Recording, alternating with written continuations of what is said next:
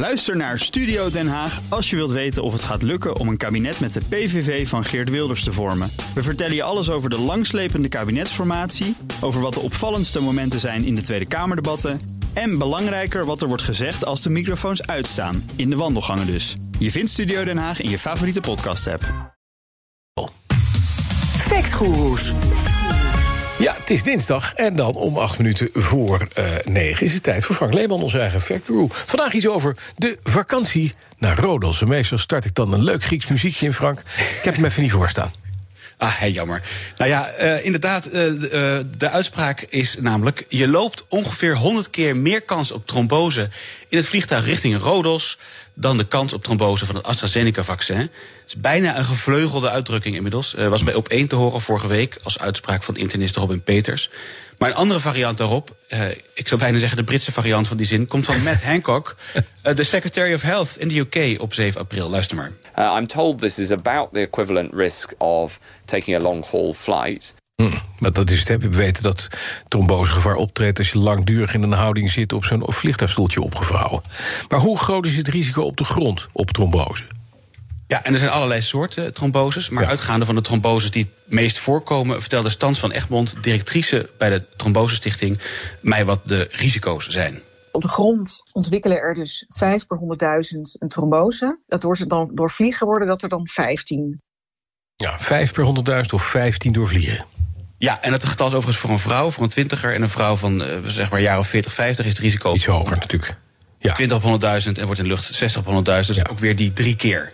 Maar dan gaan we even het risico van trombose bij vliegreizen... Uh, tegenover het risico van uh, trombose ontwikkelen door AstraZeneca afzetten, lijkt me. Hè? Precies, en hierover sprak ik uh, met professor in trombose en hemostase...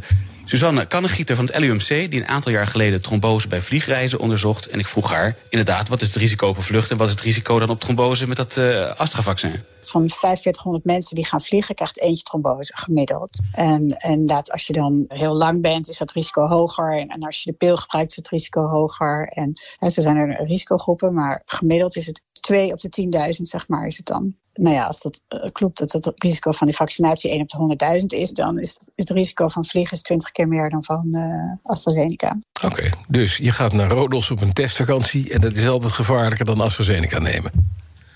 Uh, nou, dat is dus. Dat is, nee, eigenlijk niet. Want die vlucht, die vlucht is ook nog eens een keer korter. Kijk, de, de risico's zijn al berekend vanaf 8 uur. Ja. Uh, dan heb je over het risico van 20 op 100.000. En hoe langer je vliegt, hoe meer risico. Bijna exponentieel gaat het omhoog. 12 ja. uur vliegen is 50 op 100.000. En de vluchten richting de 16 uur. Dus dan mag je wel. Dat is wel leuk, mag je naar de Fiji-eilanden of zo. Mm -hmm. Ga je richting 100 gevallen op 100.000 vluchten. Ja. Uh, maar naar Rodos is nog geen 4 uur vliegen. En ja, dan gaat het misschien om enkele gevallen. Wat daarvan zegt Suzanne Kannegieter dit.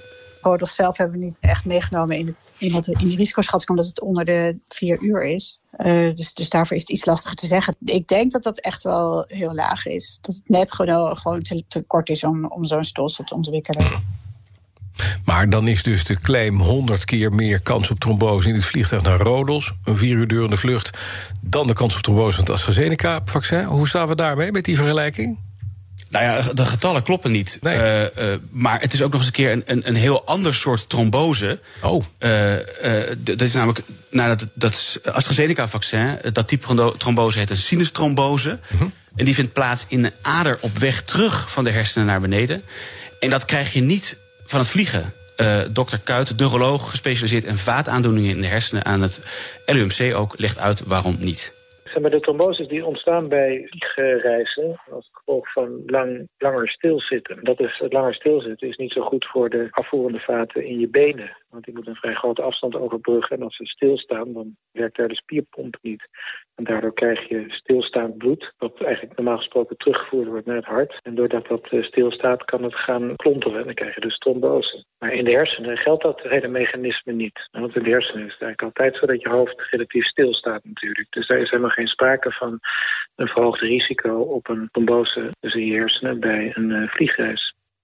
Nee, en bij zo'n bij zo'n sinustrombose kan het bloed niet of niet goed de hersenen uitstromen. En de meest gehoorde eerste klacht is dan dus dat hoofdpijn. Mhm. Maar als er niet snel hulp bij komt, dan kunnen er bloedingen in de hersenen ontstaan. Omdat het bloed niet weg kan. En dokter Kuit legt uit wat de gevolgen daarvan kunnen zijn.